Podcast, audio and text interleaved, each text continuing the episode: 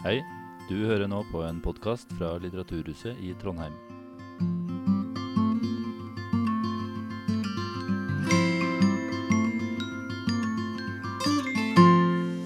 Kjære publikum, da tror jeg vi er klare til å eh, begynne. Eh, Mitt navn er Trond Aam, er daglig leder for Litteraturhuset i Trondheim. Eh, Jeg er veldig glad for å kunne ønske velkommen til kveldens samtale.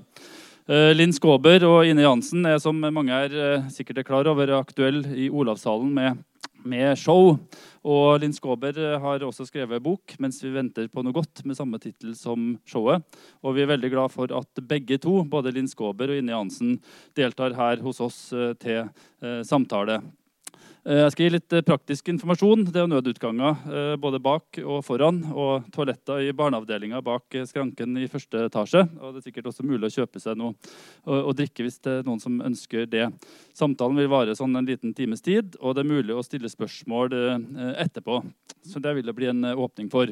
Eh, Og så eh, er det jo eh, en spesiell omstendighet som jeg håper noen har fått beskjed om allerede. Men i går ettermiddag så ble jeg oppringt av Hans Petter Nilsen, som skulle lede samtalen i dag, med beskjed om at han var syk og dessverre ikke kunne komme i dag. Og det er jo litt i, litt i veldig seneste laget å skulle områ seg til noe sånt. Men I samråd med Linn Skåber så ble jeg tipsa om to fremadstormende unge reportere i Radio Revolt. Marie Hov eh, eh, Aanes og Ingeborg Riis Amundsen. Og de var eh, sporty nok til å påta seg oppdraget. Og det tror jeg faktisk blir veldig bra. Så eh, jeg tror jeg skal gi ordet til de to. Marie og Ingeborg, eh, vær så god. Hallo, hallo. Hei. Ja, eh, Som Trond sa, så ble vi litt eh, kasta ut i det. Så vi har tatt på oss eh, vadebuksene. Men vi får se om eh, eh, de er eh, lange nok til at vi holder oss tørre på beina. eh, men som dere sikkert vet, så skal vi jo snakke om eh, mm, Linn stykke 'Mens vi venter på noe godt'. Og når Linn da ville sette opp Samuel Beckets stykke med det nesten liktklingende navnet 'Mens vi venter på Godot', så fikk hun seg en overraskelse. Eh, for det stykket kan nemlig ikke spilles av to kvinner. Det står i Samuel Beckets testamente at eh, rollene hans skal ikke skifte kjønn. Og Linn hun eh, gjorde selvfølgelig det eneste man kan gjøre. Hun skrev sitt eget stykke. Og det er nå aktuelt med norgesturné, og Ine og Linn spiller i Trondheim nå i helga. Og stykket det er vel det vi kan kalle en eksistensiell komedie. Em, og nå skal jeg lese litt her om eh, to kvinner midt i livet og den snikende følelsen av at det kanskje ikke varer evig. Det er noe med ungene som nesten har flyttet hjemmefra og ikke ringer. Og så handler det om religion, hund, feminisme, mobildekning og, ikke, og om litt politisk ukorrekthet. Mye rart, med andre ord. Litt absurd, rett og slett, tror jeg nesten man kan si. Og med det kan vi egentlig bare ønske velkommen til eh, stjerne of the night, eh, Linn Skåber og Ine Jansen.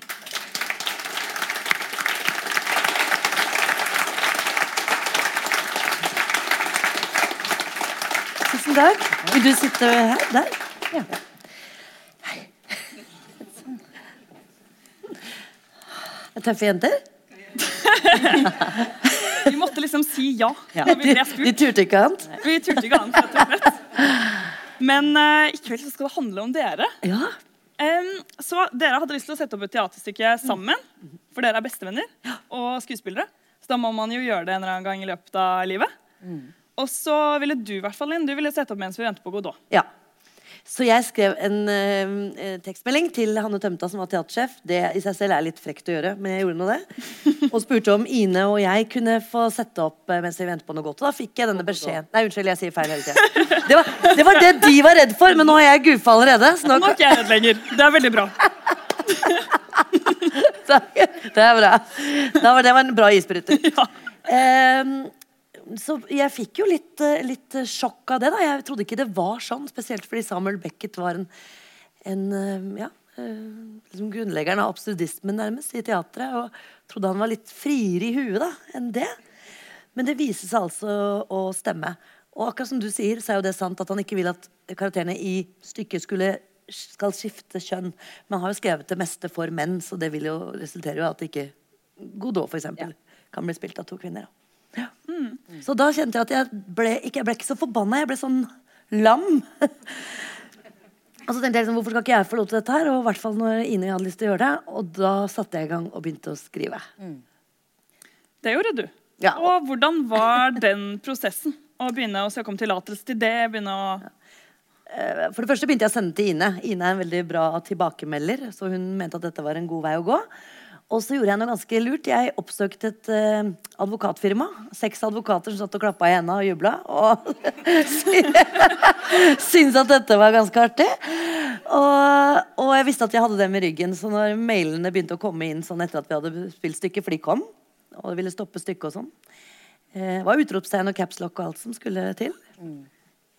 Jeg syns de ga seg litt tidlig. Da. Jeg hadde håpet at de skulle. jeg håpa på et par avisoverskrifter til. Men eh, jeg fikk én, da. Du fikk én. Ja. Um, og de, liksom, jeg har jo tatt med denne budbringeren og sånne ting da, som de ville ha ut. Og så har jeg holdt meg akkurat innenfor sitatretten. og sånn. så jeg visste at jeg hadde midt på det tørre. da. Hva tenkte du da, Ine, når Linn ringte ved den her vanvittige ideen først? Å spille eh, Godot, og så Nei, det går ikke. Vi må lage vårt eget stykke. Ja, altså det ehm, i, i, eh, Vi snakker jo litt om det i stykket, og jeg var ikke så interessert i den absurde delen som Linn Linn er mer opptatt av absurd teater Ja. Enn meg. Men nå var det noe hennes Ine er idé glad i kniver og kan vi og ikke- Hva sa du? Du er mer glad i kniver og gafler og Ja, litt sånn uh, handler om sånn, og der er kjøkkenbordet, og der er det de to, og de er glad i hverandre. Ja. det er sånn, at det er et realist... eh, Litt mer, da. Overdriver litt, da. Men uh, du hadde veldig lyst til det, og da syns jeg det, det som lokket mest, var at det ikke var gjort før av kvinner. Så tenkte jeg fader, det er gøy og sånn. Men uh, når det da begynte å Og så fikk vi jo ikke lov, og så begynte det å dette inn kapittel 1, kapittel 2, kapittel 3. Og det syns jeg faktisk var mye morsommere tekst enn Beckett hadde skrevet, og det mener jeg. Fordi det Linn har Det er, ikke, det er helt objektivt. ja, ja, men jeg Ja, men det, det, det Linn da har gjort, da, er å ta de tankene som Samuel Beckett har, og snakker om eh, ja, ja, Han snakker om religion. Hva er det vi går og venter på? Altså, mens vi venter på Godot, handler jo om to mennesker, to menn, da, som står ved et tre og venter på Godot. Og venter på livet mens de lever. Det er jo tanken. Så det fins det jo mange måter å gjøre på. Tok du, du tok de tankene, tok hans tanker, og så har du gjort de til moderne, til dine, til nye tanker. Og jeg syns de var morsommere, bare. Takk. Så jeg var glad det var deg, og ikke Beckett jeg skulle være med. Vi er egentlig veldig enige, og vi har vært og sett stykket. Og med det så lurte vi kanskje på om vi kunne driste oss til å spørre om du har lyst til å ta en eh, liten bit fra stykket da, Linn? Kanskje åpningsmonologen? Ja, det er jo utrolig frekt av deg å spørre om. ikke sant? For, for, da, for da kan jo ikke jeg si nei til det, ikke sant? når de har sagt ja. Det visste du. Ja, må vel det, da. Du må vel det? Skal du ha manus, eller? Nei, da. Nei, det trenger ikke det. da.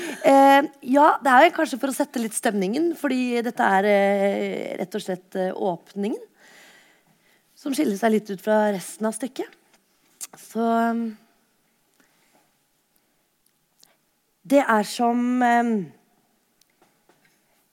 Som om du sitter i vannkanten på en campingplass, da i Sandnes eller Hvitsten, eller samme hvor det er egentlig. Og du leker med sånne svarte, blanke, fine steiner. Som blir til en vannhytte. Det er et ord du selv kom på sånn ved fire-fem-tida på ettermiddagen. Og den gule bikinibuksa di, den med sånne små lubne elefanter på, den er våt foran og under. Er for at du liksom sitter sånn på huk hele tida, og så henger den litt bak i rumpa. og så er du fire-fem år, og så har du Er du mett? Mett, takk. Stappmett, for du har akkurat spist en, eh, en hel kronesis. Ikke den spissen, ikke den sjokoladen eh, i bunnen. Den liker du ikke. Den smaker for sterkt. Og du er en fire-fem år, og du har akkurat tissa i det store havet. Tvers gjennom bikinibuksa di. Men det gjør ikke noe, verken på den ene eller andre måten. Noen kan skylle deg etterpå i vannkanten der du ikke kan stå. Svinge deg frem og tilbake, og havet er verdens største skyllebøtte. Og når noen løfter deg opp på stranda igjen, eller på det gresset bakenfor stranda igjen, og du strekker armene mot sola, så har du blitt ni år. Og du er på det samme stedet. Og steinene er der fremdeles, men nå er det ikke noen vannhytte lenger. Og så snur du deg og så ser du tilbake på havet, og så tenkte du Så rart at jeg turte å sitte så nær det store havet da jeg var mindre. Er ikke de måkene utrolig nære? Spjærer jo nesten i nebbet over deg, kan bite huet av deg når som helst. Men nå er du større. Tolv år! Tør å stå lenger ut. Tør å ha vannet opp til halsen, munnen. Åpne munnen og smake litt på det havet. Smake på den evigheten der. Og så går du tilbake til stranda igjen, og der står mamma da, og venter og legger et rolig håndkle om skuldra på deg. Og det er deilig. Frottéaktig og flaut, for nå er du 16! og så går du sammen opp til bilen hennes, da, som står parkert foran den kiosken bak de rosebuskene. Og idet du tar i dørhåndtaket, så, så har du blitt i bilhåndtaket så har du blitt eh, 18. Så snur du deg da, en siste gang og ser mot havet, og det er da du ser det. Hva da? Hurum. Hurumlandet rett på andre sida av fjorden der. Det var aldri et hav, det var aldri en evighet. Du kunne lett ha svømt frem og tilbake fra Hvitsten til Hurum. Og du får dette klaustrofobiske anfallet av eh, mamma, Hurum, verden, stakkars mamma. Et dunkende hjerte med hud utenpå. Det var til og med dine hjerteslag en gang. Hun delte til og med hjerteslagene med deg. Nå lengter du bare vekk fra henne, mot havet, eller, eller fjorden mer, da. Og du får dette klaustrofobiske anfallet av fortida, framtida og de steinene. Som et barn som du om ikke så lenge skal, skal dele hjerteslag med, som skal se og si at Er ikke det egentlig en vannhytte? Og du skal legge et rolig håndkle om skuldra på det barnet. Og før du vet ordet av det, så sitter det på venstre side av bilen og spiser hele kronesissen. Bunnen også! Er det det?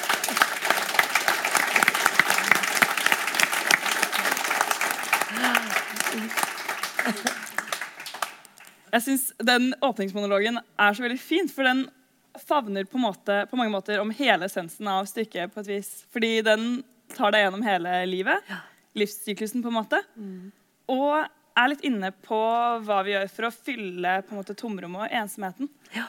Og da lurer jeg litt på, i og med at du har skrevet dette stykket, mm. hvordan er det vi mennesker møblerer ensomheten, tror du? Det tror jeg er veldig mange koder på. Jeg tror kanskje hele livet består liksom i å forsøke å gjøre noe med det. da. For de fleste som lever, vet jo at vi kommer aleine til denne jorda, og vi skal forlate den aleine. Og imellom der så er vi som regel så heldige å møte masse andre kule mennesker. Og leve sammen med dem og ha det fint sammen med dem. Og i, i den prosessen så tror jeg vi er med på å forvirre hverandre. Så vi ikke er redd for å dø hele tiden. Med middagsselskaper, med barn, med kyss. Med dyr. Med sex. Med alt vi kan uh, Ikke dyre... Det var det. det kom veldig fort etterpå.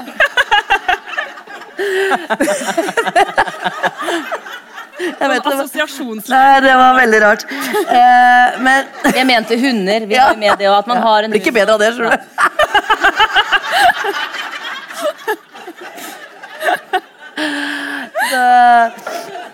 det er vel dette her, å liksom ta ut Det og det teatret er. Det som er så nydelig med teatret, synes jeg. Da, og det å få jobbe med teater er nettopp det at liksom, det er som å se hele livet liksom under seg, og så får du lov til å ta ut liksom, en bit av det, og så speile det og vise det fram. Og det er egentlig det jeg har forsøkt å gjøre med dette stykket også. ikke sant? Gå inn i hverdagssituasjoner, gå inn i steder hvor vi eh, tror ingen ser oss, og så løfte det ut og plassere det på en scene. Mm.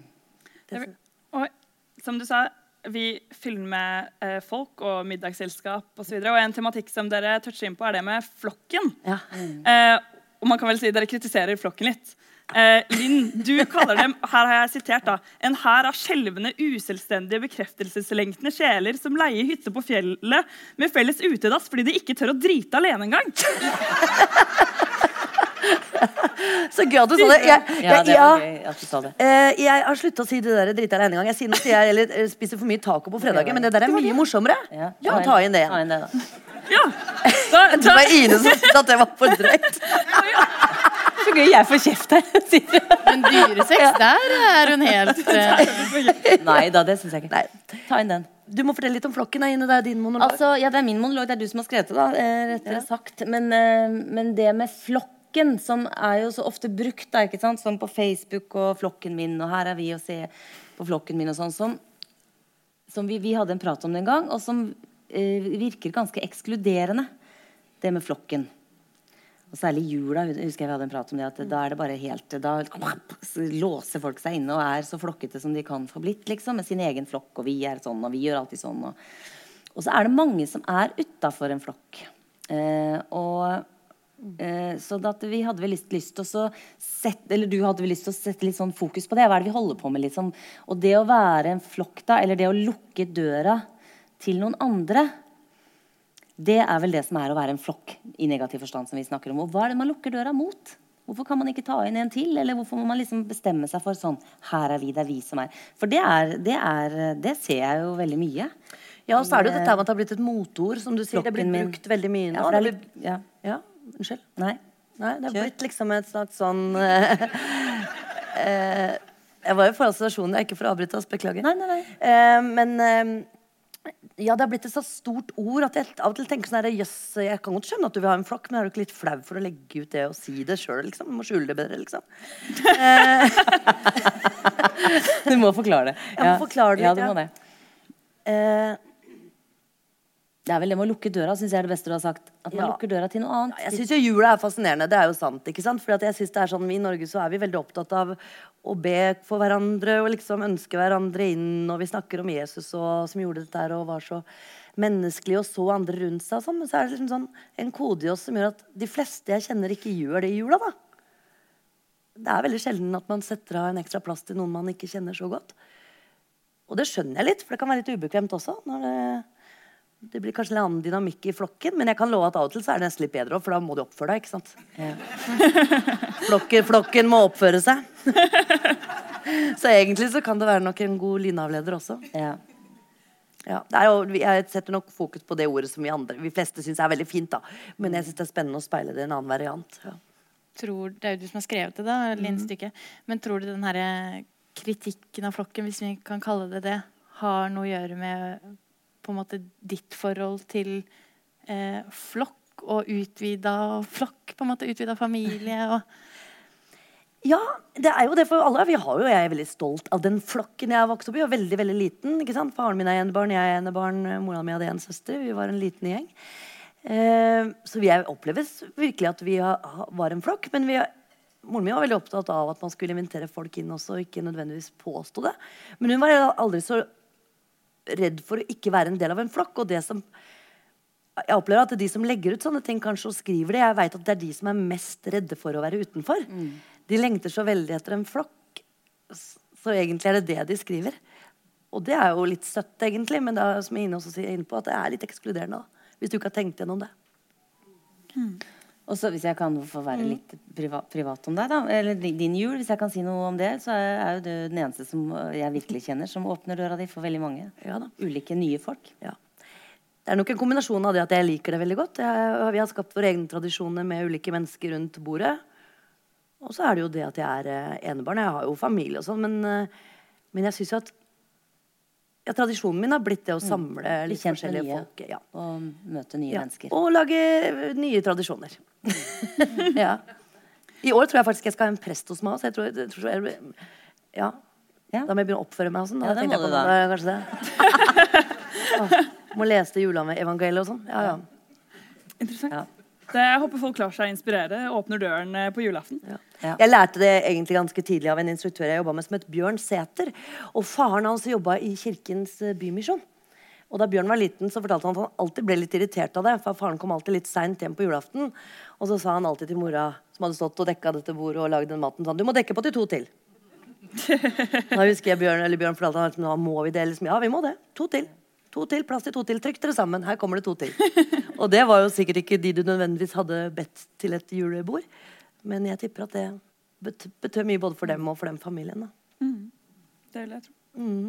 Men sånn på den andre siden, da. Hvorfor tror dere at vi er så redd for den ensomheten? Å være alene bare et lite sekund, nesten? Skal du eller jeg? Ja, Det er jo et vanskelig spørsmål, egentlig. Men, men det å være aleine med seg sjøl um... Nei, Linn, kom igjen, da. jeg har jo skrevet veldig mye om ensomhet, som ikke bare dreier seg om dette stykket. Jeg har skrevet eh, andakter for NRK, og da hadde jeg en hel, eh, en hel eh, serie som jeg kalte 'Ensomhet'. Eh, det var en ganske tøff prosess, egentlig, fordi Det var veldig mange som fant ut, da, som jeg hadde skjult, at jeg ikke har hemmelig nummer, blant annet. Eh, så jeg ble ringt opp veldig mye. Og det i seg selv var jo veldig ømt og rørende, men også ganske krevende for meg. Eh, For da opplevde jeg hvor mange vi har i landet vårt som er ensomme. Og eh, jeg har beholdt kontakten med noen av dem, men jeg kunne ikke stå for det ansvaret. Jeg måtte etter hvert skjønne at de hadde skrevet og åpnet opp døra for å snakke om ensomhet. Og så måtte man liksom på en måte ta det selv derfra, da. Eh, men jeg har beholdt eh, Jeg prata bl.a. med en fyr som sa at han var så ensom fordi at han gikk så lange turer. Han hadde besøkt så innmari mange fjellhytter. Eh, Kanskje han sa 1000 eller noe sånt. Jeg vet ikke hvor mange fjellhytter det fins. Jeg har aldri vært på en fjellhytte. Men han hadde i hvert fall gått rundt på fjellet. Og så sa han jeg føler meg så ensom når jeg kommer fram alltid. Fordi jeg har ingen å si til at jeg har kommet fram. Og det syntes jeg var så godt bilde på ensomhet. Ja. Så da sa jeg da syns jeg du skal begynne å skrive kort til meg. Så det, det gjør han, da. Eh, og jeg har til og med skrevet tilbake til han da, til hjemmeadressen. Men eh, både det å skrive brev igjen var veldig hyggelig, og det å skrive til et ukjent menneske og til være en mottaker bare for et kort skulle jo ikke mer til. Det var noen å noe å skrive til, og det ble veldig, veldig fint, det. Det jeg lærte mest av med de andaktene og den ensomheten, var også det at jeg opplevde at noen også liker den ensomheten på det, slik at det ble Liker ikke ensomheten, men det ble en del av identiteten deres. Dette med at jeg er så ensom. Og den, den kan bli et liten sånn stillstand. For det er ikke noe fart i begrepet. Det er ikke så innmari mye som får deg videre. Så jeg tenkte at liksom, kanskje vi skal begynne å si at jeg har ensomhet i dag. Jeg har ensomhet. For da vet du at du kan liksom kanskje overlevere den til noen andre, og vi kan holde hverandres ensomhet. Og at det faktisk kan være noe forbigående.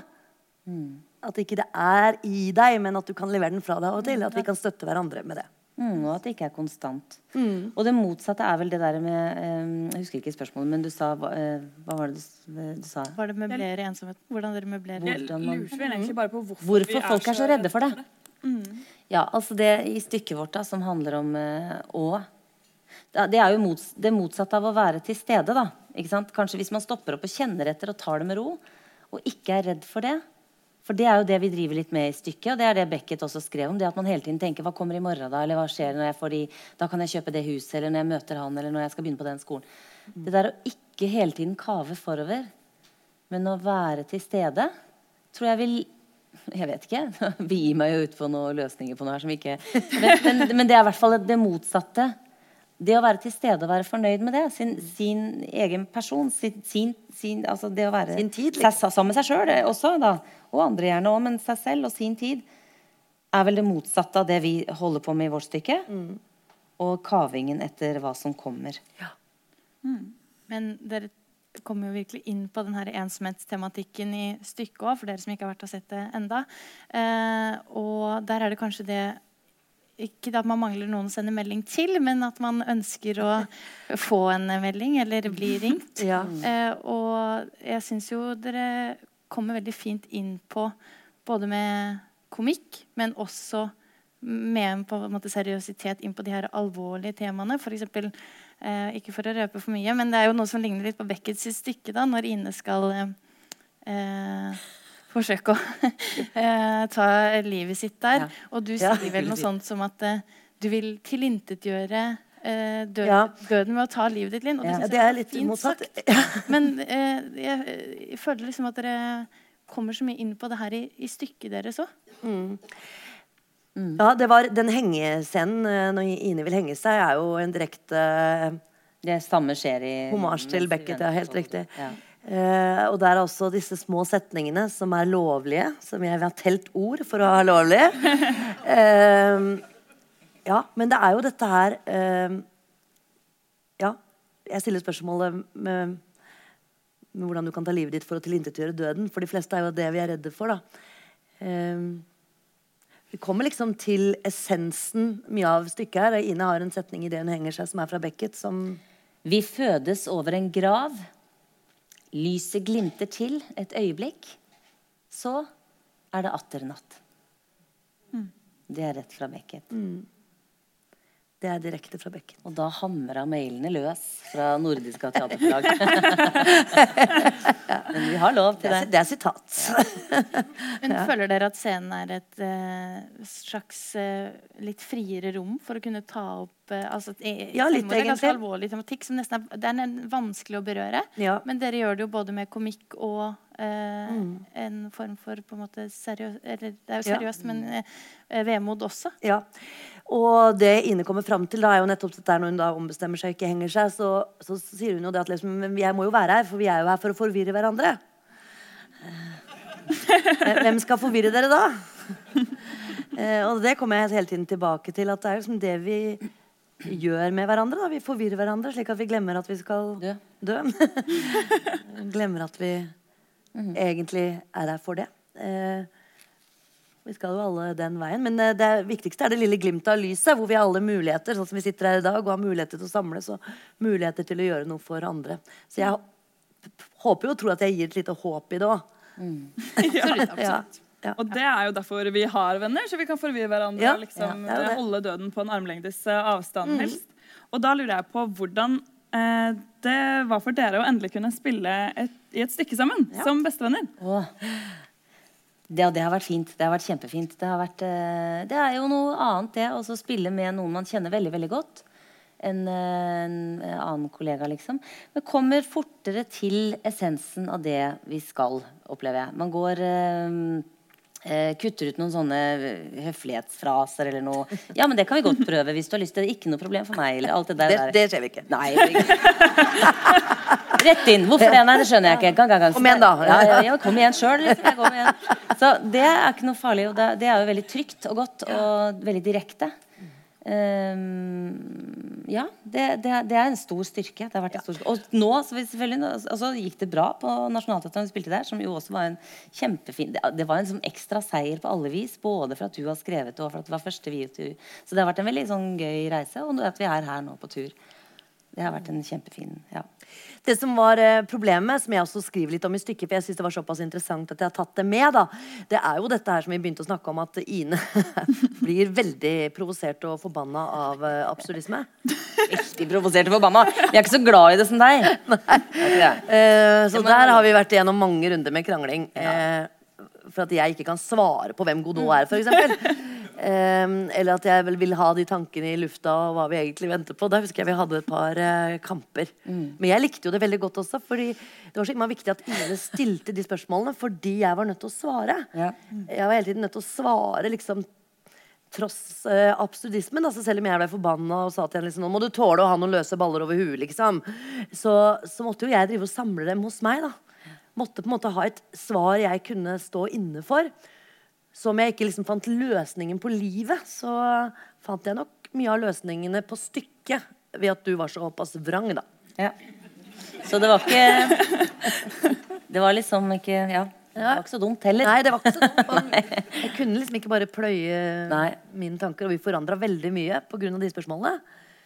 Um, Ja. Men, men jeg, jeg er fornøyd med at vi har latt, turt å la såpass mye av absurdismen være igjen. Ja, det har vi absolutt.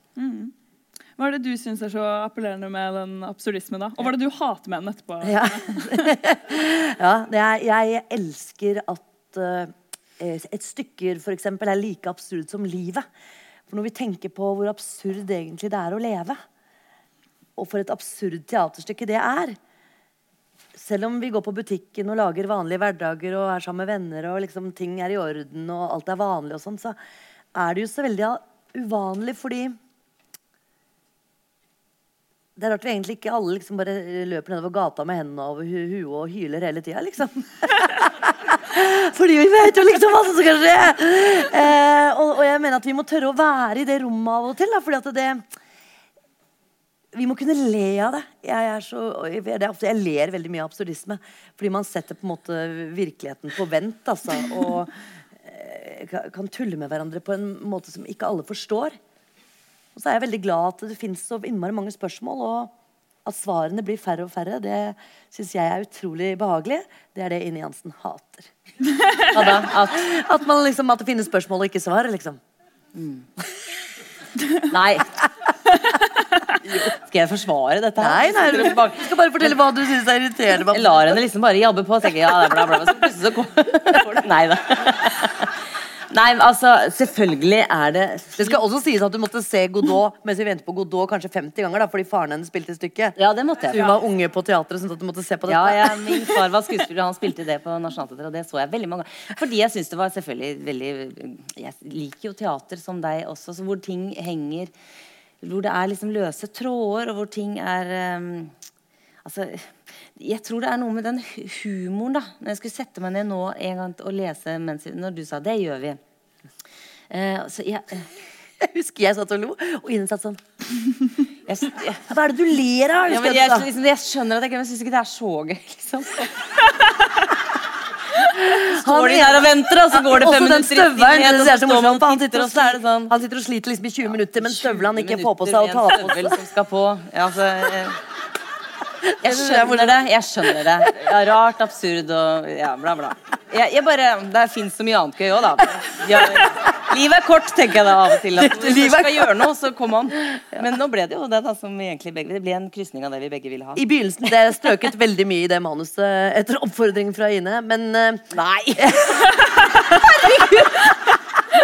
Ja, men I begynnelsen husker jeg at jeg hadde, jeg hadde sånt diffust Jo da, du husker det når jeg sier det.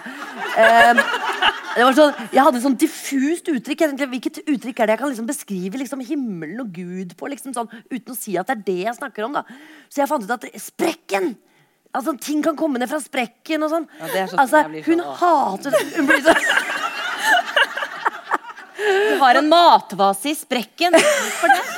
Skal vi ha det? Hvorfor skal vi ha den matvasen i sprekken? Hvorfor skal vi ha det? For det hører at det passer inn. Matvase i sprekken. Det er sånn absurd. Da gikk vi og hentet maten vår. Da var det to bagetter oppi en vase. Og så spiste vi den, den, den matvasen. Og matvase var et ord jeg fant på, for jeg synes det var så artig ord. Ja. Kan du hente matvasen i sprekken i dag? Da må det være lov å stille et spørsmål. eh. Tipper jeg det er mange som skjønner. Ja, jeg syns det er morsomt å spise ut av en vase. Ja, ja, ja. Absolutt. Dere Men det er borte, da. Det her ble strøket eh, på grunn av henne. Hva sa du? Nei, Dere spiller jo veldig på det her i stykket òg. Ja. Med at dere Linn Ja, vi Linn, snakket om det. eh, må Ja. tergre inn litt. Grann. Ja. Eh, Men jeg er enig, dere, altså, eh, enig med deg, da, Ine. Eh, Linn sitt stykke er veldig mye morsommere enn Ja. Beckets. Men eh, hvis det er noe på en måte Det er jo noen likheter, eh, selv om eh, du er morsommere da, Linn. Men hva er de største likhetene og de største forskjellene på Godot og noe godt?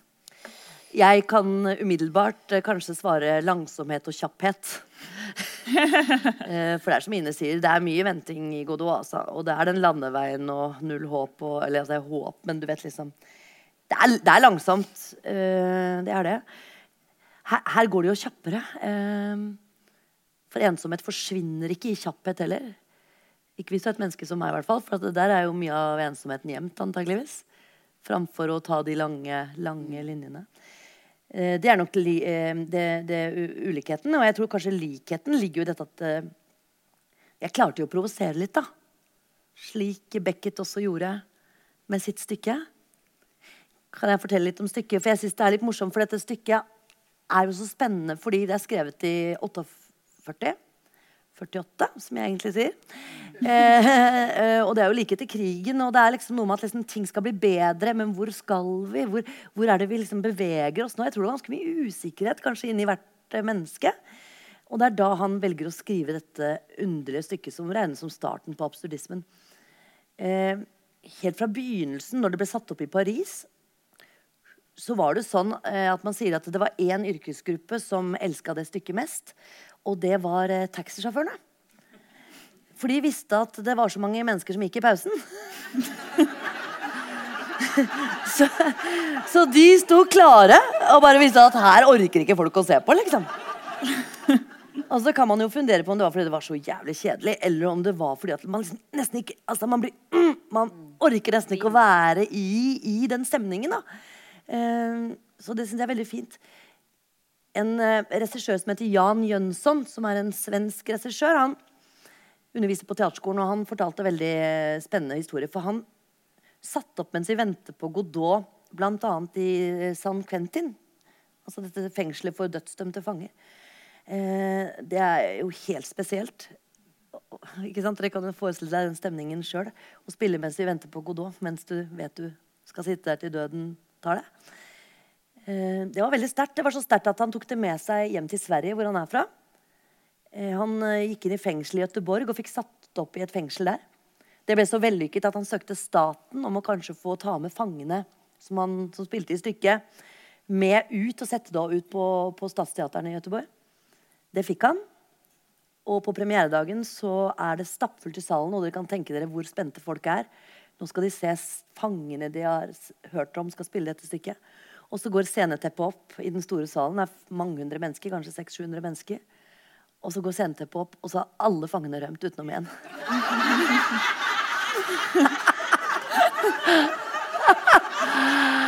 ja. Å, jeg har så lyst til å vite hvorfor han ene ikke rømte. Men Jan Jønsson kjenner jo at dette er helt tragisk. Altså, det, er, det, er, en tragisk historie altså, hvis dere googler det. For det er liksom helikopterjakt over hele Göteborg og hele Sverige. Jeg tror det var noen som ble skutt og sånt. Altså, det var dramatiske greier. Og Jan Jønsson skammer seg jo så fælt for at han har trodd på dette. Så han drar tilbake til Beckett i Paris. Eh, alltid rart å snakke om Beckett, for før jeg liksom lærte nok om ham, så tenkte jeg jeg trodde han døde mye før, men han døde jo 89. Han liksom levde så nært oss. Eh, så drar han tilbake der. Han sitter på en bar i Paris. Jan Jønsson forteller at uh, Bekke spør hvordan det går med stykket i Göteborg, og han sier jeg må fortelle det. Dessverre skjedde det at alle fangene rømte utenom én. og da bestiller Beckett to whisky, skåler og sier at dette er det beste som er gjort med mitt stykke noensinne. Så i og med at han var så gøy, så skjønner jeg ikke hvorfor han skulle blitt så sur på dette. Nei. Nei. Jeg skulle gjerne gitt mye for å drukket de whiskyene med Beckett i, i Paris. Mm. Så derfor har det, dette stykket har liksom alltid levd litt utenfor seg selv. Da. Så derfor syns jeg dette her er på en måte litt forsvar at det, dette stykket her til og med lever litt utenfor mm. det aktuelle stykket. da. Jeg heter ikke aktuelle. Ekte stykket, da. Ja. Og nettopp Derfor er det jo også litt rart at Beckett var så konservativ likevel. Mm. Eh, men så lurer jeg på om dere har noe forståelse for hvorfor han satte den grensen at dette her stykket skulle bare spilles av menn? Respekterer dere det på noen måte, eller er det bare helt tullete? Dette er vel, eh, for, altså, Kvinner har forsøkt å spille dette flere ganger i Statsteatret i, i, Stockholm. tror jeg det var, Hvis ikke det var Dramaten der. Så kom de kjempelangt før det ble stoppet. De har prøvd, tror jeg, her på mm. Trøndelag Teater har jeg også hørt at de har prøvd å sette det opp og bare ignorere reglene. Det blir stoppet. Det blir stoppet. Det, er, det mest sjarmerende er jo det i Stavanger. da. Det var skikkelig søtt gjort. Det var syriske flyktninger som kom til eh, landet og ville sette opp stykket, og det stoppa de. så respektere det, nei, selvfølgelig ikke. Men det, ikke, det, går ikke an å spille det. Så enkelt er det. Så dette er vel den, den måten man må gjøre det på, da. Når man ikke egentlig respekterer det. ja.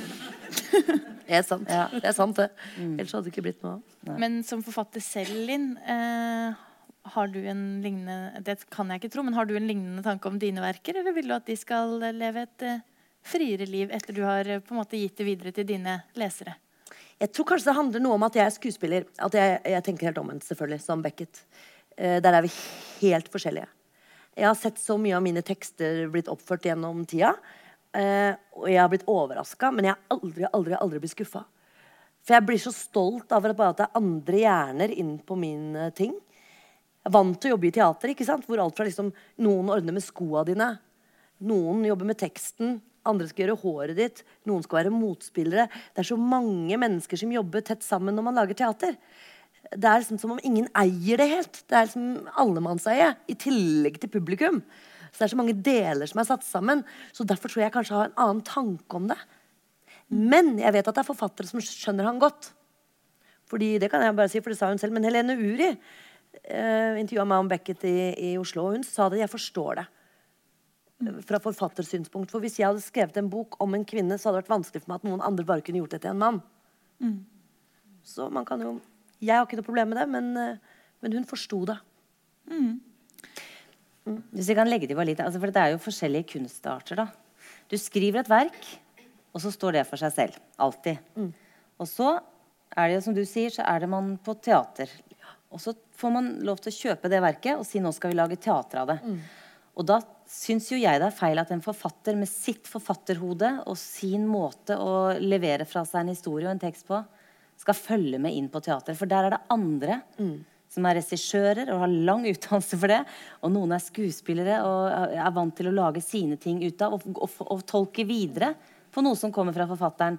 For ofte så kan det komme en det, det kan hende det kommer en flat person, altså i personligheten. Så er det en skuespiller som bygger den litt større ut. Så vi har jo alle våre ulike kunstarter da, innenfor dette feltet her. Så jeg syns jo det er veldig sånn egoistisk på en måte, og litt sånn uh, hva skal jeg si, At man løfter seg selv litt opp. Hvem man sier 'ikke rør det', 'ikke stryk', ikke sånn. Det, det syns jeg nesten er litt flaut. liksom. Men, sier, men herlighet, det må jo ikke sant? For da, da, da, glorifiserer man seg litt. I, I, min verden, som ikke skriver og ikke har gjort dette selv, da, som bare har fått en tekst. Uh, og som mener at Du føler en del av det, du da, ikke sant, som skuespiller? Hva sa du? Nei, du føler at du er med på å skape det på nytt når ja, du er i teatret? Ja, jeg mener at det skal skapes videre og på mm. nytt. Nå har jeg akkurat sett for eksempel, Kristin Lavransdatter på Norske Teatret som tok ni timer. Ja, åtte-ni timer. Som var helt vanvittig. Og det er klart at det er nytt. Altså, De har jo gjort så mye nytt med det stykket som gjør at vi syns det er uh, interessant. Og det er jo selvfølgelig teksten til Udseth, men de har sikkert flytta på bukker, og de har uh, strøket og de har holdt på og gjort sånn, men uh, men eneste regelen jeg har, altså, det har jeg sett en gang, og det er jeg ikke så glad i. Det, eller det er jeg forbanna på, faktisk. Men uh, man får ikke lov til å legge til tekster. Man kan ikke Altså, da må man i hvert fall vise sånn som vi gjør, da, med sitatrett og sånne ting. Ja. Det er lov, selvfølgelig. Men det å skrive videre på et stykke, det er nok litt Den kjenner jeg. Nei, nei. For det er det ikke min. Men det er ulike kunstformer, da. Ja. Ikke sant? Ja. Mm. Da blir det noe annet. Men det er i hvert fall rom for at to eh, gutter spiller disse rollene i fremtiden. Nei. Det... Der setter jeg Der setter jeg foten ned. Okay. Ikke vil jo da. Det er helt lov. Og det hadde vært veldig... så gøy hvis du hadde gjort det! Det, hadde det blir sånn runde på runde. Ja. Nei, det er ikke lov. Da blir det veldig absurd. Ja, da blir det så absurd som de gutta kan skrive. Ja. så oppfordringen din er bare å skrive nytt, nytt. Ja. Egentlig så blir det bare en sånn dialog mellom uh, ulike stykker opp igjen. Ja. Det har vært veldig kult. Um, jeg har litt lyst til å komme litt tilbake til det sånn absurde med stykket. Eh, fordi jeg syns det også er veldig gøy. uh, og en Eh, eller jeg syns det på en måte er gøy og ikke gøy fordi det er litt sånn provoserende. Og en av de delene jeg synes var mest provoserende i stykket, her er en liten sånn spoiler, men ikke stor, så det er fortsatt verdt å se. Ingen fare. Det er når eh, gutten, eh, gutten i stykket kommer med en veldig viktig beskjed. Han har en veldig viktig beskjed, mm. men den vil ikke dere motta. Nei. Hvorfor vil dere ikke det? Det jeg, må, bare fortelle en ting jeg kom på nå, og det var i den prøveperioden. Eh, for det spurte selvfølgelig innom òg, for det måtte hun ha klarhet i. Eh, og da husker jeg jeg fortalte en historie som jeg syns er litt rørende, men samtidig veldig morsom, og som beskriver min familie veldig godt. Faren min var veldig rolig, moren min var veldig kjapp. Eh, og da husker jeg at det, er litt privat, men jeg sier det likevel. Men pappa skulle få en beskjed som vi antok ikke var så god, mm. hos legen. Eh, og da husker jeg at eh, mm -hmm. mamma spurte om sånn, hvordan det var på hytta til legen og sånn. Eller sånn eh, vi, vi, skal si noe Nei, men vent, da! Eh, vi, vi, kan vi snakke om noe annet? Hva har du gjort i dag? Hvordan Man vil ikke ha beskjed. Så man begynner igjen å forvirre seg. Mm. Til slutt så fikk hun beskjed av den eh, litt slemme legen om liksom å være stille. og sånn men, men, noen kan ikke være stille fordi man vil ikke ha beskjed. Og jeg tror nok ikke Ine og Linn i stykket heller vil ha beskjed, egentlig om hva som skal skje. Nei. Enten om de skal få beskjed av hva som skjer etterpå, eller Vi tør ikke. Vi er redde. Mm. Men eh, da vi spiller det, så spiller vi nok egentlig den situasjonen på det legekontoret om ikke å ville ha den beskjeden. Mm. Mm. Og da begynner Ine da å bable til lille budbringeren om at uh, at vi har aldri vært så gamle som vi er nå. og uh, liksom gjøre seg litt til for han og nesten litt sånn Ikke ta oss med i den døden, liksom. Mm. Det er mye her vi har ulevd liv. Det er egentlig det det dreier seg om. Mm. For vi vet jo ikke hva den beskjeden er. Vi vil ha mer igjen. Det er det. Ja. Men samtidig, hvorfor tror dere det er så provoserende for oss da, som tilskuere? Eller meg, da. At vi ikke får det svaret? Nei, hvorfor klarer vi ikke bare å leve helt fint med det? At vi ikke fikk vite det? Ja. Vite hva man gjør i grava, sa mora mi alltid. jeg tror ikke livet hadde vært så gøy hvis vi hadde visst alt mulig. Vi, det er nettopp spørsmålene vi må tørre å henge litt ja. i, da. Det er mindre spennende, ja. Mm. Det er mange teorier med Godot. ikke sant? For det første så sa jo Beckett det fant vi jo ut her forleden, at han sa at var, man kan jo lett tro det er Gud, for det ligner som på God og alt dette. Men uh, han sa at ikke det var det. da. Og det tror jeg han egentlig sa for at ikke vi skulle så lett plassere svaret et sted. ikke sant? Mm. Noen mener at han var så opptatt av sykling, Tour de France og sånne ting. Eh, og, og at eh, han, eh, en av de syklistene het noe sånn Godau eller et eller annet sånt. Eh, og at de som står og venter ikke sant, på det som kommer eh, At det er over på et sekund. Eh, så det er mange mange teorier, og det syns jeg det skal få lov til å være. Det er å tørre å ha de der løse trådene i lufta. Vi kommer ikke til å vite noe uansett. Så vi kan leke oss litt med spørsmålene. Ha det gøy med dem.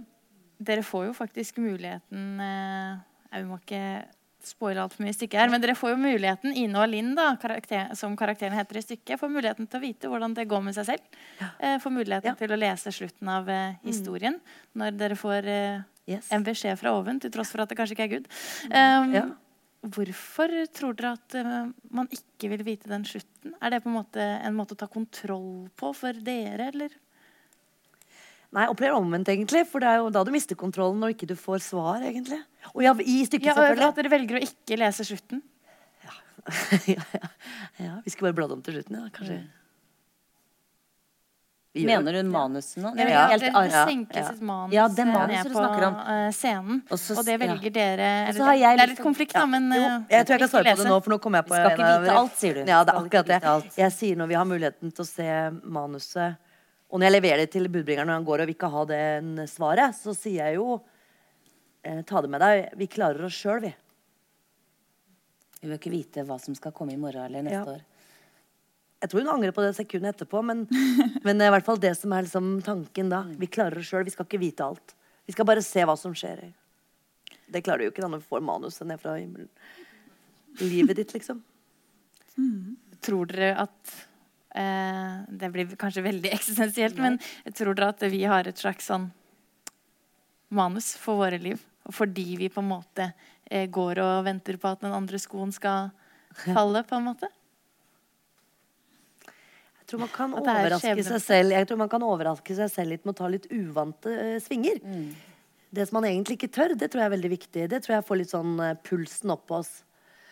Uh, får vi et par dager ekstra og litt ekstra hjerteslag med å ikke alltid gjøre det vi tør. Men kanskje våge å ta noen ukjente veier som gjør at manuset forandrer seg litt. Livet er som en film, sa venninna mi. Det gjelder bare å bare skrive det manuset jævlig bra. ja, det er godt sagt, egentlig. Filmen vår blir jo ferdig til slutt, og da gjelder det Får vi se om det blir en komedie eller en tragedie.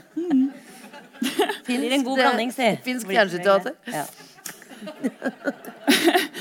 Og apropos det med å endre på manuset og sikre litt og sånt, så er det jo sånn at du har strøket noen deler fra manuset. Ja, ma- ja, jeg har strøket to manus inn i det manuset pga. Ine. Ikke sant? Ikke sant? Du tøffer deg. Det var, hun som strøk, så sa jeg nå må du holde opp så Ja, ikke det er du stryker det bort. Ja, ja. det. Det er Bare sant, rette rett opp litt her. Men det er vel noe som er med i boka som ikke er med på scenen? Ja. Ja, har dere funnet ut det? ja. Det er de her, altså. Vi har lest oss opp så godt Ja. siden i går. Ja. Um, og siden dette her er en litt sånn eksklusiv stund, de som dukker opp her, er jo skikkelige fans. ja. Så kanskje de skal få lov til å høre ja, dette er veldig gøy at vi skal. Fordi at Ja. Å, skal vi lese den? Vi skal lese den. Fordi dette har jo Ine og jeg øvd i denne scenen her. For sånn som jeg snakka om i stad, dette er med liksom at disse forvirrede situasjonene Forvirrer vi oss selv med religion? Forvirrer vi oss selv med kjæledyr? Forvirrer vi oss selv med vennskap? Liksom, hvor er det vi setter inn trøkket? Og i den scenen her så handler det om å forvirre hverandre med tomprat. At vi ikke helt lytter til hverandre, men at vi liksom Praten går, praten går. Liksom, Fortsett å prate, fortsett å prate, så jeg glemmer at jeg skal dø, liksom. Og hvis noen sier noe litt drøyt, så orker vi ikke alltid å gå inn der. Så da går vi heller rundt dit. Det handler vel litt om det òg? Ja, ja, ja. Men jeg bare, bare Ja. Jeg husker denne er lenge siden jeg har vært borti. Vi klarte aldri å løse den, dessverre. Nei. Så den ble ikke med i stykket. Eh, ha, var vel den vi satt et lite S Ja, og sånn der nede. Ja, hvor er da? Nede. Nei, jeg vet ikke. Jeg har for mange lapper i boka. er. Kanskje du kan si noe smart så lenge inne? Ja. Ja. Gjør det. ja da, ja da, ja da. ja, da, ja, da. Nei, hva skal jeg si om denne scenen her, da, Linn? Det Ja, var si. eh, Vi prøvde og prøvde og prøvde på den, og så var det vel til slutt Katrine Telle som er regissør som sa det. Denne får dere ikke til, jenter, så denne bare. Så, da var Så gode er dere ikke, jenter. Nei, så gode er dere ikke, jenter. Hvorfor uh, syns dere ikke dere fikk til det? Hva gjorde dere galt? Mm, nei, vet du hva, jeg vet ikke helt. Um, Vi prøvde og prøvde, prøvde. vi syntes den var så jævlig morsom. skjønner du. Men den vi fikk den ikke til. Nei, jeg vet ikke. Ja, ok. Da er det altså at vi eh, sitter ved dette bordet og spiser, og så sier du Ja. Jeg var i et familieselskap en gang. Ja da. kan jeg for deg. Sier du det, ja? Ok. Ja, fortell om det. Fint, det. Nå er praten i gang. Ja, nå er praten i gang. Jeg var i et familieselskap en gang hvor praten sto helt stille. Den var fæl. Du har jo ikke noe familie. Jeg var hos en annen familie. Ah. På den måten, ja. Men du, fortell da hva som skjedde hos denne fremmede familien. Jo, Det var Kirsti og Tore som inviterte. Tore jobber med reklame. Veldig dyktig. De har hytte. Ikke i Hemsedal, men like bortenfor der. Hemsedal, ja, Trysil, Nesbyen. De er like fine, alle tre. Stå på ski. Det er sunt på alle måter. Veldig sosialt. Afterski. Love it, tror jeg. Aldri vært der. Fin historie. Praten går. Ja, ja. Og så har du barna Are og Gustav. De går på Blindern og handelsgym. Fine gutter. Blitt store, de. 17-18. Eller Gustav blir 18 i juli. Nei, vent nå, la meg tenke. Gustav-gutten, han blir 18 i tredje Nei, vent, da. Ikke tredje august. Han blir- Han blir 18 andre august, da. Mm, ja, det er sommerbarn, da. Og høstbarn, da. Det er fin prat. Ja, fin prat, det. Og så var det bestemoren der, altså moren til Tore. Hvis ikke tar helt feil, så bor hun oppe i Bekkestua. Der går jeg til tannlege. Husker ikke helt hva hun heter igjen heller nå. Tre ganger i året. Fjerner tannstein, renser. To navn inntil hverandre. Hva var det igjen, da? Fjerner tannstein og renser. Kall henne bare bestemoren, da, foreløpig. Maigunn! Maigunn var det hun het. Hvorfor ikke ta en ekstra rens? Tenner er så viktig. Ja, det er fint navn, det. Mai Gunn. Det er Mai og Gunn. Ja ja, se her. Mine gutter ringer heller ikke. Så jeg drit i det. Folkefest eller flodbølge. Sikkert bare det. Jeg skulle hatt en valp. Jeg Skulle skifta fokus. Praten går. Vel, det er stille og fint rundt bordet, og alle tygger og sender og koser seg. Jeg tror det var noe sånn italiensk småtteri. Det er lett å sende. Lett å like. Fortsett. Og vi sender og sender og gir meg ditt og gir meg datt. Ditt og datt, ja. Det er hyggelig, det. Og etter at vi har sendt alt et par runder og sånn rundt bordet, så er det bare lyden av kniver og gafler igjen. Så sier Kirsti på sin usedvanlige myke og delikate måte Du, jeg liker Kirsti. Du kjenner henne ikke? Nei, men jeg kan bli kjent med henne en gang. At stemmer det at du, Tore, min mann, gjennom 23 år til sommeren, at du har pult knulla min beste venninne Tone Merete, som bor i rekkehuset ved siden av oss her på Kjelsås? Og at den lille gutten hennes som løper inn og ut hos oss, Tore Henning, egentlig er ditt kjødelige barn? Og at du livnærer både denne familien og den andre familien ved å selge kokain og MDMA? Og sprit til unge mennesker på andre siden av byen i helgene. Og i tillegg selger horer, prostituerte mindreårige jenter fra Litauen. På fester du arrangerer for gutta på jobben din i en leid leilighet i Magnus Bergs gate 7 hver fredag. Og at du har knulla disse horene, disse småjentene selv, uten kondom og gitt meg herpes i huet og ræva. Og så mye angst at jeg vurderer å gå fra dette bordet nå og opp på soverommet mitt og svelge en håndfull sovetabletter og avslutte livet mitt. Sa Kirsti.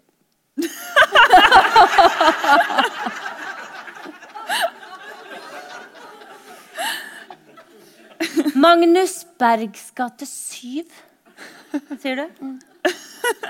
Blir ikke det da i samme bygning som den kiosken der hvor de solgte lakrisis for første gang? Over disk? Jo, når du sier det. Den lå vel på hjørnet der, den. For det var vel bare isbilen som solgte den isen først. Ja, Og så kom den i butikk. Ja, Så begynte de å selge den over disk. Blant annet like ved Magnus Bergs gate nummer syv. Ja. Ja.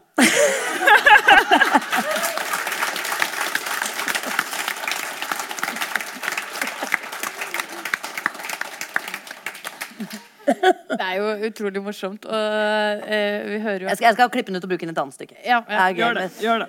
med samtaler som ikke skal sies. Ja. det, den der, eh, det står i, i testamentet til stykket at den der må ikke brukes. Nei, nei. Men dere er jo så gode på å få andre til å le. Eh, Det hører vi jo her nå. Men hva er det som får dere to til å le, da? Eh, For Linn så vet vi at det kanskje er Beckett, men ikke for Ine.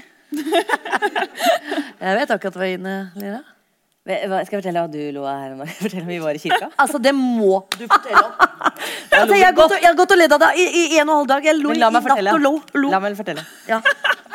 Vi var en tur i, i, i um, Nidarosdomen her i går. Og så, ikke sant? Det er også sånn som kan skje i livet, da, men da får man seg god latter. Og så skulle vi tenne et lys, uh, for det er fint.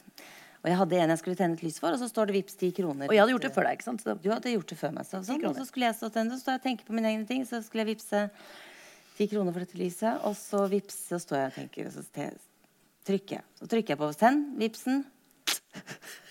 10 000 kroner. Ine vippsa 10 000 kroner til Nidarosdomen i går.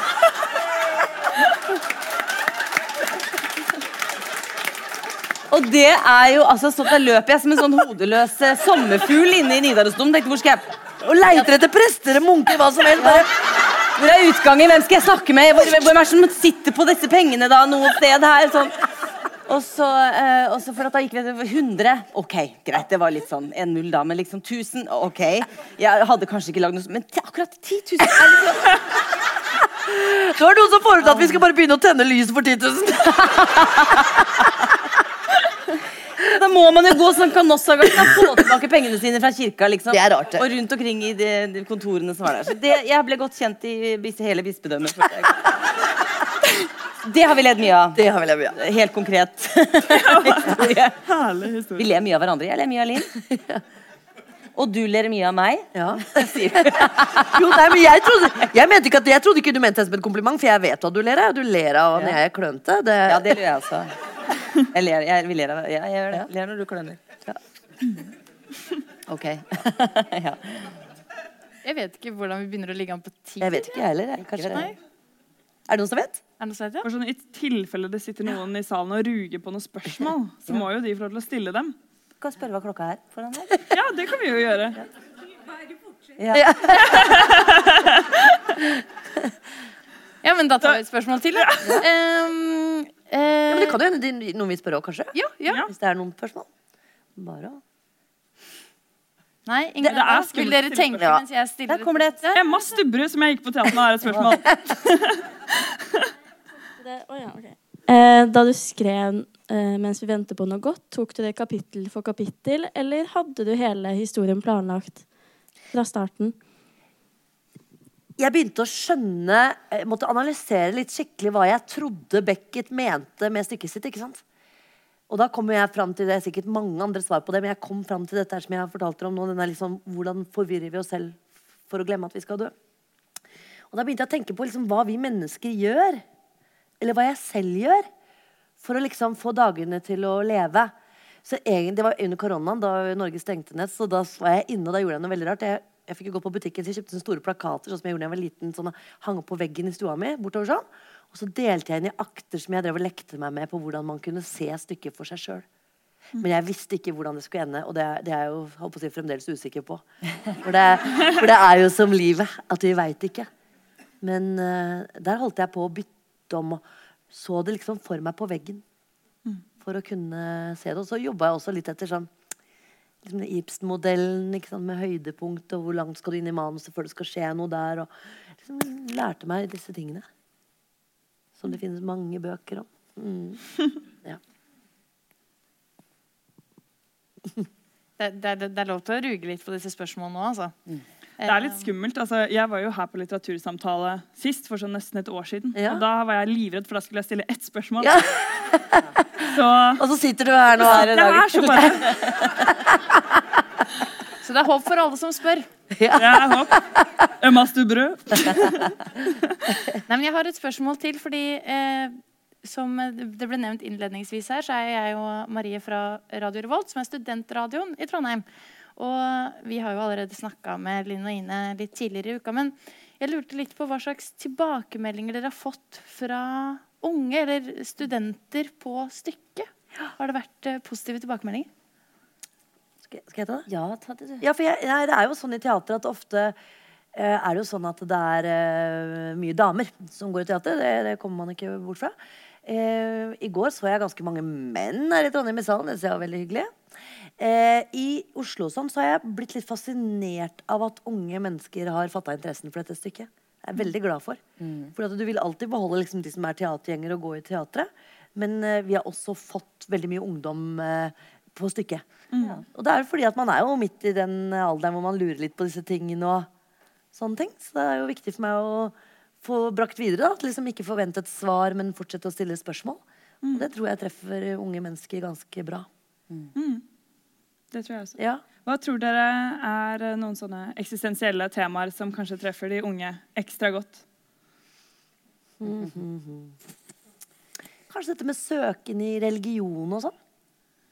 Altså det der med Ja. å finne en, en tanke og tro på er noe eh, Ikke bare fordi det er religion, altså, men en slags sånn eh, Hva kan jeg ta tak i for å engasjere meg maks, liksom? Om det er i holdepunkter, liksom. Og så blir du eldre, og så tenker du at ja, alle de holdepunktene forsvinner uansett, så du kan egentlig bare drite og leite etter det. Livet i seg selv er det eneste holdepunktet vi har. Ja, for, hva, hva, for å bringe det videre til neste generasjon, da, hva er på en måte eksistensielle temaer som berører voksne mer? da? Eller eldre, til og med? Det er dere jo litt innpå i stykket òg. Ja, ja. Hele tiden, egentlig. Eh, Du kommer jo ofte til et punkt i livet ditt hvor du begynner å lure på om du har kjempa for noe ordentlig. da. Altså, Har du noen gang tatt en kamp, liksom? Har du noen gang kjempa for noen andre? Det begynner vi sikkert, eh, vi som er oppe i åra, å stille oss spørsmål ved. Derfor blir vi så sinte gamle kjerringer, for da skal vi endelig ta kampen. Så nei, nei da, men jeg tror det, jeg tror det er en viktig, viktig ting også å tenke på over, da. Eh, det eneste jeg ikke snakker om i stykket, som jeg syns er litt morsomt at jeg ikke snakker om, og som jeg ikke har hørt noen savne, men som er litt spesielt, det er at jeg snakker ikke om menn eller kjærlighet. Det er sant. Ja, det er ganske få stykker som skrevet av kvinner, som ikke berører. Det er kult. Jeg vet ikke om det er kult, jeg synes det falt ut, jeg, men eh, Det er kult. vi syntes det var litt morsomt å eksperimentere med det, at ikke det alltid skal være liksom For det var en, en jente, venninne som ble skikkelig forbanna husker du, når eh, Anniken kom bort og sa sånn Men dere må jo snakke om kjærlighet. Det er jo mannen min også som gjør at jeg kan eh, liksom tenke meg videre i livet og sånne ting. da Men det tenker jeg, det veit du jo, så det er ikke vits å høre det på teatret. Men veldig ofte med Ja, ja.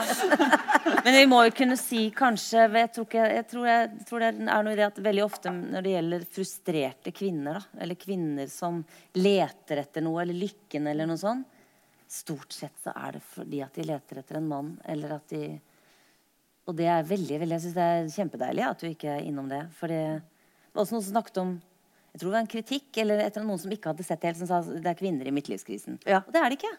Det er Irriterende at folk ja, den ble, Jeg blir ikke irritert av kritikken, men den der ble Den vi blir man jo irritert for. Det er jo ikke det der. Man Det er regner om- kanskje med Ja. det da, når det er to kvinner. Ja, og det er ingen som spurte Som er- Beckett om han hadde midtlivskrise da han skrev det. Nei, det, der, det var irriterende, altså. Ja, ja. Jo, men det er det faktisk. Altså, jeg synes at når hun liksom Man går ut ifra det. Ja.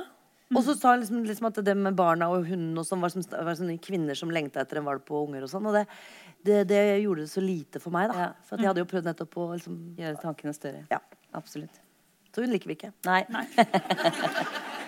Se den. Men det er jo litt som du sier, Linn, at man står litt sånn på stedet hvil i både ditt stykke og i Beckett sitt stykke, og kanskje er den eksistensielle på en måte, krisen, midtlivskrisen, at man ikke kommer seg videre av det, fra det. Men det er jo noe veldig livsbejaende ved det manuset her òg, som jeg syns kom veldig fint fram i det sluttmonologen eh, din inne. Ja. Hvis- Har du lyst til å lese nå, kanskje? Jeg har ikke lov til å si ja. Nei, nei, men ja. Reglene. Hvilke regler er det?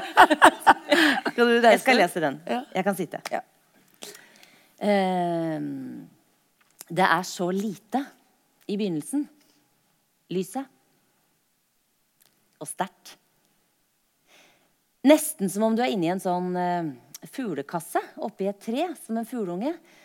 Og du ligger inni den trygge fuglekassa di og er rosa og fjærløs og bare Hallo, verden! Er du der, eller? Og du får et glimt av den evigblå himmelen. Og noen hengete greiner med blader på gjennom det lyse hølet i veggen som mamma pleier å stikke huet inn i i ny og ne med en mark. Eller en flue i det trygge mammanebbet sitt. Og du tenker i et tiendedels sekund eller noen timer eller en uke at dette er livet. Dette er faen meg livet. og du aner ikke at du tar så feil. Dette er ikke livet, nei. Dette er så lite av livet at det ikke syns fra stien nedenfor treet der du bor engang. Det skjønner du ikke da. Det skjønner du først om noen timer, en uke. Idet du får et glimt av noe annet der ute. Først bare det lyse hølet. Så mer av himmelen, og så skogen. Og så det andre. Kjipe, kjappe. En mørk fart rett utenfor. Bråe, flaksete skygger som mørkner lyset i kassa di et sekund. Og etter hvert når disse mørke, raske flekkene får konturer, så skjønner du at det er andre svære, kjipe fugler som flakser, som ikke tar fem øre for å bite huet av deg hvis du skulle slumpet og få lyst til å lufte nebbet litt utafor kassa. Bare litt naivt ut av hølet. Snapp, snapp. Snipp, snapp. Og så var det eventyret ute, og du er en hodeløs fugleunge plutselig hvis du ikke passer deg. Så det driter du i. Driter i å se på den verden du lengter etter, foreløpig. Og mora di er kanskje ute og flyr en tur for å lete etter mark. Eller bare på kjøkkenet og tar seg en røyk hvis du er menneske, da. Og du blir bare sånn liggende med huet under den dunete vingen eller under den dyna av dun og bare skjelve. Rister nesten. Men det du rister av, Grunnen til at du er redd, er ikke fordi mamma ikke er der, men på kjøkkenet. Eller at du ser langt ned i gapet på de kjipe fuglene med sånne spisse tunger. Det er, det, det er, ikke det verste. Det verste er at du for første gang kjenner på denne kraften i det. Dette instinktet, denne dunkende propellen langt inni det. Bakover i det fra generasjoner før, som det ikke fins en dødmannsknapp på. Du kjenner, du kjenner det så voldsomt. Du vil ut til dem. Du må ut til dem. Du vil risikere huet ditt tryggheten din, fuglekassa di, for det livet der ute. Du vil snike deg forbi mora di i det øyeblikket du er ferdig utvokst unge. Løpe ut av døra med den altoppslukende driven i deg. Du vil ut. Du vil hjem. Hjem til alt der ute. Hjem er der ute. Det du ennå ikke vet hva er. Og du vil kanskje aldri få vite hvorfor du ville ut hva du lengta etter. Hva du håpa skulle skje. Hva du venta på.